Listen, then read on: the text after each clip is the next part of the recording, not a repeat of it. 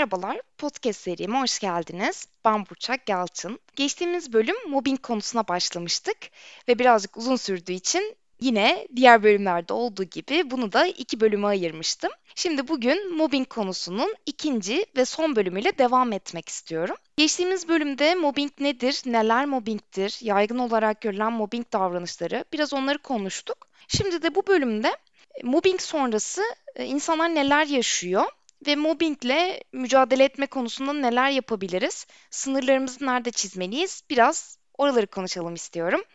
O zaman başlayalım.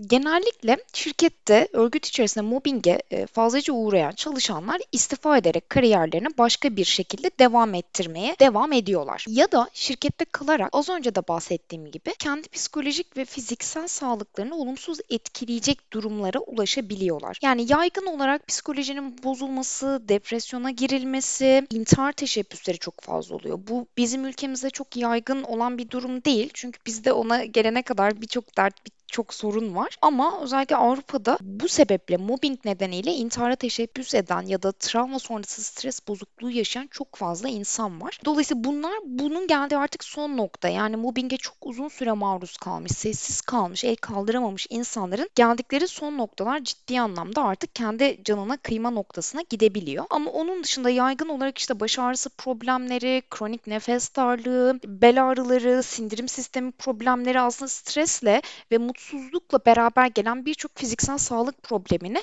mobbing sonrası görebiliyoruz. Ama en çok görüldüğü tarafsa genelde psikolojinin bozulması, psikolojinin olumsuz olarak etkilenmesi ve bu durumun özel hayata da yansıması. Mobbinge uğrayan çalışanların çok büyük bir çoğunluğu evlerinde ailelerine olumsuz duygularını yansıtan, evde çok fazla kavga çıkartan ya da özel hayatına eskisi gibi katılım sağlayamayan, mutlu olamayan çalışanlar olarak görülüyor. Bu aşamalara gelmemek için, bunu kendimize ve çevremize yaşatmamak için mobbinge karşı el kaldırmak, bu mobbing halini kabul etmemek çok önemli. Şimdi Peki mobbing nasıl ortaya çıkıyor? Yani bir anda e, bir kişi geliyor ve herkes hurra onun üstüne saldırıyor, onu dışlıyor değil. Aslında evreleri olan bir aşama mobbing. Kişi şirkete geliyor ya da yeni bir göreve geliyor ya da var olan görevinde e, bu fark etmez ama bir dönüm noktasını oluşturan bir e, olay oluyor. Yani mobbingi başlatan olay. Belki bu kişinin farklı bir şey yapması olabilir. Bu kişi dediğim gibi şirkete yeni gelen bir kişi olabilir ve farklı görünüyordur, farklı davranıyordur. Bu da çevresi tarafından belli bir zaman içerisinde fark edilmiştir edilmiştir ve bu bir dönüm noktası oluşturmuştur artık. Yine aynı şekilde şu da çok fazla rastlanan bir sebep. Örneğin kişi çok sevilen bir kişinin yerine işe alınmıştır ya da çok sevilen bir yöneticinin yerine gelmiştir. Direkt bu kişi de otomatik olarak mobbinge uğruyor. Aslında belki kişiden kaynaklı bir sebep yok ama yerine geldiği kişi çok sevildiği için ve o bir şekilde suçlusunun o bulunduğu yani onun yerine geldiği için sanki bütün bunlara o sebep olmuş gibi düşünüldüğü için ne oluyor? Direkt mobbinge uğruyor oluyor. Yani böyle düşününce ne kadar komik canlılarız. Bana da komik geliyor ama bu çok literatürde de karşımıza çıkan ya da benim de aynı şekilde kendi tecrübelerimde çok fazla gördüğüm bir mobbing sebebi diyebilirim. Bir şeyler oluyor belli bir zaman içerisinde ve kişi artık etiketleniyor. Mobbinge hazır hale geliyor ve bu noktadan sonra artık psikolojik şiddet başlıyor. O kişiyi damgalama, o kişiye karşı lobi oluşturma, o kişiyi ötekileştirme, rahatsız etme, istifa etmesine sebep olma ya da mutsuz olmasına, başarısız olmasına, öyle hissetmesine sebep olacak davranışlarda bulunma ki bu davranışları da az önce inceledik. Bu ve bunun gibi çok fazla arttırılabilir, hayal gücümüze sığabilecek ya da sığamayacak birçok konu mobbing davranışı olarak sayılabilir. Yeter ki sistematik ve düzenli olsun ve kişiye zarar verir şekilde olsun. Daha sonra ne oluyor? Tabii ki de bu kişi yönetim tarafından tarafından da dikkat çeken bir kişi haline alıyor. Çünkü dışlanan çalışan bir şekilde kendi mutsuz hissettiği için verimli çalışamıyor ya da uyumlu çalışamıyor. Yani bir şekilde yönetiminde dikkatini çeken bir çalışan haline geliyor. Çünkü bu kişi şikayet ediliyor belki işte bazı çalışmaları sabote edildiği için çok fazla göze çarpıyor. Belki çok fazla hata yapmasına sebep ol oluyor bu tip davranışlar. Dolayısıyla dikkatler, spot ışıkları o kişinin üzerine bir anda çevrilebiliyor. Ve daha sonra bu yakından izleme aşamasından sonra da ya kişi işten çıkarılıyor ya da kişi istifa ediyor diyebiliriz. Bu şekilde tamamlanan bir olay örgüsü var mobbingin diyebiliriz aslında. Peki kimler mobbing yapıyor? Yani mobbing sürecinin içine dahil olan ve bu evreleri devam ettiren kişiler kimler? Belki biraz burayı da tanımaktan fayda var. Mobbing uygulayanlar aslında literatürde kendi aralarında aslında bazı tiplere ayrılmış durumdalar ve iş hayatında az çok biz bu kişileri tanıyoruz, tahmin ede- edebiliyoruz ya da böyle bir potansiyeli olduğunu görebiliyoruz bazı zamanlarda. Mobbingde aslında mobbingi uygulayanlar, mobbinge uğrayanlar ve mobbingi izleyenler olmak üzere 3 tip var. Ki burada da mobbingi izleyenler de en az mobbing uygulayanlar kadar suçlu oluyorlar. Çünkü sabık atmadıkları şey şu aslında. Şu an kendileri bir mobbing çalışmasının, bir mobbing davranışının içerisinde olmayabilirler ama böyle bir kültür varsa örgüt içerisinde, böyle bir alışkanlık varsa bir gün mutlaka bu mobbingi izleyen kişilerin başına da gelebilir. Bunu düşünmekte fayda var. Çevrenizde eğer mobbinge uğrayan kişiler varsa e, burada o kişiyi cesaretlendirmek, işte o kişiyi anlamaya çalışmak ve o kişiye yardımcı olmaya çalışmak bence her birimizin görevi olmalı. Peki kimler bu mobbing uygulayanlar? Nasıl tiplemeler?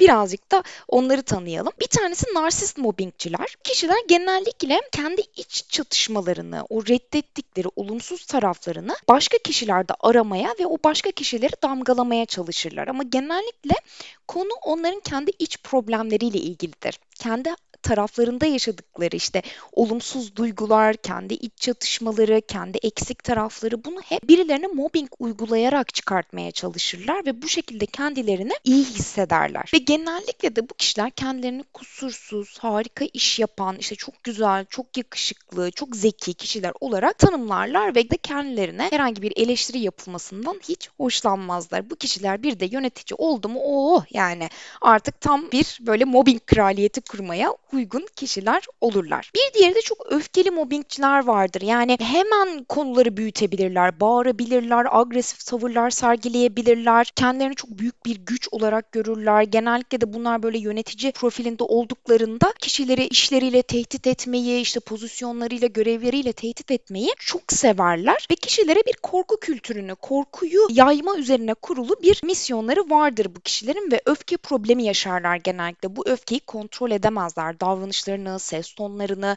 nerede nasıl konuşması ve davranması gerektiğini bilemezler. Ve elbette ki hisler, duygular, kişilerin neler yaşadığı konusu onlar için çok hafif bir konudur ve genellikle bu kısımlarla da alay ederler ya da ciddiye almazlar. Bir diğeri de iki yüzlü mobbingçiler. Şimdi tabii bunlar e, literatürde nasıl geçiyor diyeceksiniz ama bunlar genellikle İngilizceden çevrilmiş kelimeler oldukları için bizim dilimize en uygun ifadeler bulunmaya çalışılıyor ve bu yüzden de hani iki yüzlü mobbingçiler diye bir kavram var. Şimdi bu tabii hepimizin tanıdığı bir tip. Yani bu kişiyi çok iyi tanıyoruz. Hepimizin etrafında eminim ki böyle birileri vardır. Bu kişiler genellikle böyle nasıl desem mobbingi daha gizli, daha örtük, daha anlaşılmaz şekilde yaparlar ve genellikle başkalarının başarılarını hazmedemezler. O başarıyı baltalamaya çalışırlar. En iyi kendileri olmak isterler. Eğer biri çok güzel bir şey yapıyorsa özellikle oralarda bir hata, bir kusur aramaya çalışırlar. Ve bunu yaparken de çoğunlukla güler yüzde olurlar bu arada. Evet biliyorum tanıdık geldi o kişi de size. Çoğu zaman mobbing yaptıkları kişiye bile bazı iyilikler yapabilirler, güler yüzü davranabilirler. Onu daha yakından tanımaya çalışırlar ve oradan aldıkları bilgileri ileride kullanmaya çalışırlar mobbing uygularken. Ve en ayırt edici noktaları bu kişilerin yaptıkları şeyin diğerlerine göre daha çok farkındalardır. Yani diğer az önce bahsettiğim profilin belki bir takım farkındalık problemi olabilir. İşte öfke problemi yaşıyor olabilirler vesaire vesaire. Bu onları haklı çıkarmaz ama bir tık daha az farkındalıkla yaptıklarını ya da kontrol edemedikleri bazı güdüleri nedeniyle yaptıkları söylenebilir. Ama bu bahsettiğim profil aslında ne yaptığının çok net farkındadır. Bilerek yapar ve planlı yapar. Belki şunu söylemekte de fayda var. Bu birazcık kültürlere göre de değişen değişen bir şey ama bu işte birazcık daha zorba kişiler, biraz daha sert olan, yeri geldiğinde bağırabilen, yeri geldiğinde işte masaya yumruğunu vurup insanlara sert davranabilen, böyle acımasız kişiler bazı kültürlerde özellikle yönetici seçilirler. Yani bunun bir liderlik özelliği olarak yorumlanmasını olumlu bulur bazı kültürler. Yani çok duygusal olmamak, kişilerin duygularıyla, düşünceleriyle çok ilgilenmemek, daha sert olmak, daha iş odaklı olmak. E, bu kişiler bir şekilde bulundukları şirketlerde yükseltilirler ve bir ideal lider tipi, ideal bir yönetici tipi olarak tanımlanabilirler.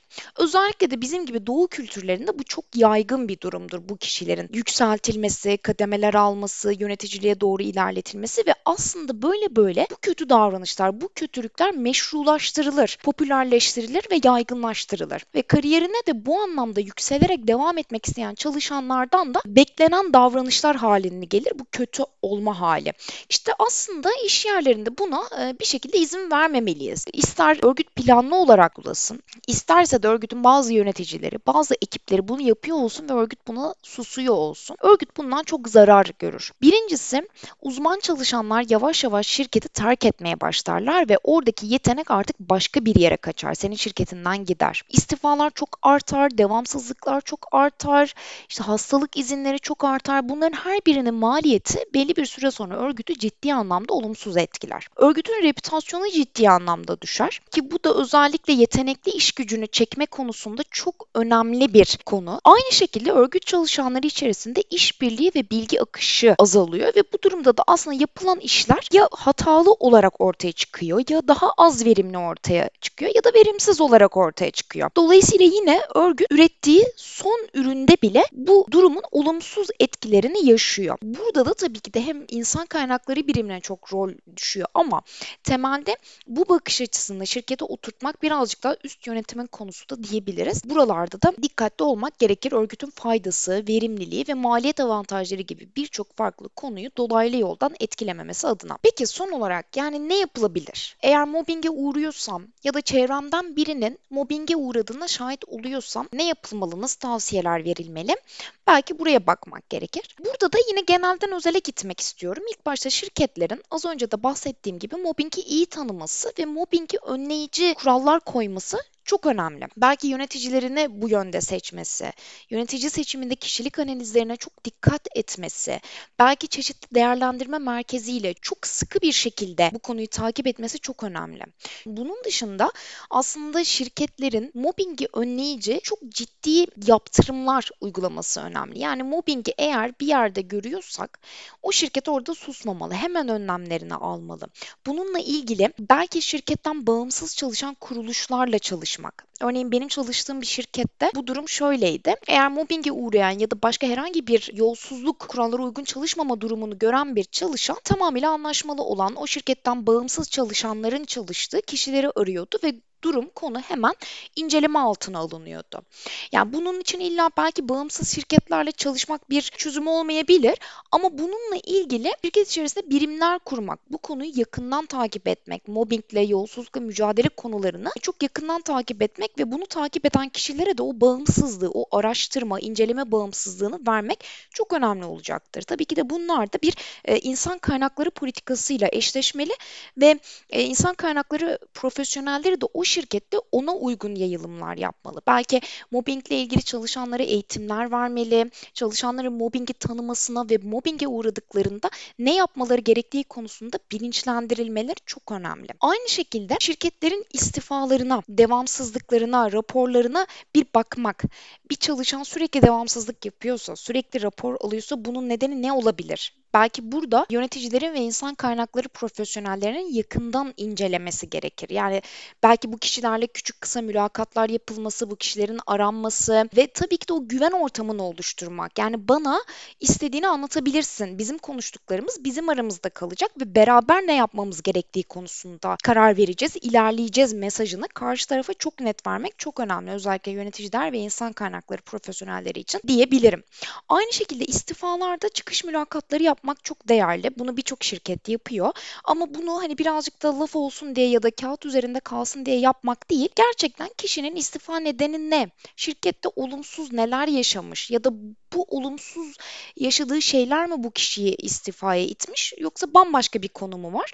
Oralardan çok farklı veriler de elde edilebilir. Aynı şekilde belirli dönemlerde motivasyon ve verimlilik analizlerinin bence her şirkette yapılması gerekiyor. Çalışanlar ne kadar mutlu, motivasyonları ne kadar yerinde, verimlilikleri ne kadar iyi. Belki bunu yetkinlik analizleri takip edebilir. Kişiler gerçekten yetkin oldukları işlerde mi çalışıyorlar? Uzmanlık alanlarına göre mi çalışıyorlar yoksa bambaşka işleri yapmaya mı mecbur mecbur bırakılmışlar. Belki uzmanlık alanlarının çok altında çalışıyorlar. Belki çok üstünde çalışıyorlar ve kendilerini yetersiz hissediyorlar. İşte buralarda bence odaklanılması gereken konular örgütler tarafından. Peki kişi olarak biz ne yapabiliriz? Ya bunlar evet örgütler neler yapabilir kısmına böyle kısaca değindim. Ama kişi olarak ne yapmalıyız? Bir kere her şeyden önemlisi bunları sindirmemek. Benim çevremde rastladığım özellikle de bir insan kaynakları çalışanı olarak çok gördüğüm bir konu. Ya önemli değil çalışıyoruz işte. Ya o da geçer. Ya zaten benim işte 3 ay sonra bölümüm değişiyor. Ya ben zaten başka iş arıyorum güzelini bulunca gideceğim. Bunlar çözüm değil. Bunlar aslında geçiştirmek, sindirmek. Ya bu mutsuzluğu, e, bu sistematik psikolojik şiddet hareketini kimse hak etmiyor. Dolayısıyla burada el kaldırmak çok önemli. Korkmamak, mobbingi tanımak, ne mobbing ne değil. Eğer varsa şirketinizde bunlarla ilgili mücadele eden işte birimler, çalışılan başka firmalar oralara gitmek, gitmek konusunda tereddüt yaşamamak, korkmamak, el kaldırmak. Ben bunları yaşıyorum. Eğer varsa elinizde bir takım somut delilleriniz, bunları göstermek belki de. İşte size gelen mesajlar olabilir, size hakaret edildiğini duyan, gören, sizinle yakın başka çalışma arkadaşlarınız olabilir. Özellikle de bunları sunmak. Belki yöneticinizden yaşıyorsunuz bunu. Bir üst yöneticiye ya da daha üst yönetime bu konuları taşımak, on, onların da farkında olmasını sağlamak. Bunları tabii görebilmek için cesaretli olmak olmak gerekiyor. Ve biliyorum kolay olmadığını biliyorum. Özellikle Türkiye gibi ülkelerde çalışırken işte finansal kaygılarımız, işimizi kaybetme korkularımız, kariyerimize verdiğimiz önem bunların her biri bizi birazcık böyle durduran ya neyse hadi bu da olsun önemli değil bir şekilde günü geçiriyoruz. İşte ben etkilenmiyorum ki zaten ya bana ne ben paramı alıyorum gidiyorum. Bu tarz telkinlerle kendimizi avuttuğumuzu biliyoruz ama neden daha iyisi olmasın? Neden biz daha iyi davranışları hak etmeyelim? Ya da neden biri bize kötü davranışlar sergilediğinde bunu biz sindirmek zorunda kalalım. Bence bu kötü davranışı sergileyen kişinin bunun bedelini, cezasını ödemesi gerekir. Dolayısıyla korkmamak ve biraz cesaretli olmakta fayda var. Çünkü neden? Belki kaybedeceğimiz şeyler, yani o an için kaybedeceğimiz şeyler, gelecekte kaybedeceğimiz şeylerden daha küçük olabilir. Yani gelecekte psikolojik sağlığımı kaybedebilirim, fiziksel sağlığımı kaybedebilirim, özel yaşamımda çok olumsuz duyguları taşıyabilirim. Böyle daha uzun vadeli kendime zarar verebilirim belki o yüzden orada alacağım küçük bir risk ve o küçük riskin olumsuz sonucu benim hayatımda daha minik bir etki yapabilir. Belki bunu düşünmek, bunu bir teraziye koymak sizin için faydalı olabilir. Eğer o şirketten yanıt alamıyorsanız yani bir şekilde her yolu denediyseniz, yöneticinizle konuştunuz, bunu üst yönetime taşın, taşıdınız, işte İK sorumluluğunuza gittiniz vesaire vesaire ve sonucunda işten ayrılma kararı aldınız ya da bir şekilde çıkarıldınız. Bunu yine aynı şekilde mahkemelerle devam ettirmek, hakkınızı aramak aslında. Hani az önce bahsettiğim bunun bir suç olarak sayılması İskandinav ülkelerinde ya da işte daha ciddiye alınması aslında kişilerin bu konuyu ciddiye almalarından kaynaklı. Bu gerçekten çok hassas bir konu ve ben de elimden geldiğince hassas olarak yaklaşmaya çalışıyorum. E, sizin de her şeyden önce kendinize hassas yaklaşmanızı öneriyorum. Bunun çok kolay olmadığını ve zaman istediğini biliyorum. Ama ne olur kendinize o zamanı tanıyın. Kendinize şöyle bir bakın ve gerçekten bütün bunları hak edip hak etmediğinizi bir sorgulayın her zaman bunu söylüyorum. Siz kendiniz için en iyisini biliyorsunuz ve dolayısıyla bütün burada konuştuklarım sadece okuduklarımdan, yaşadıklarımdan topladığım ve belki birilerine fayda sağlayabileceğini düşündüğüm konular. O yüzden çok da fazla müdahale olmak istememekle beraber sizi birazcık bu konuyla ilgili aydınlatmak istedim. Umarım da bir faydam olmuştur. Bir sonraki bölümde görüşmek üzere. Kendinize iyi bakın.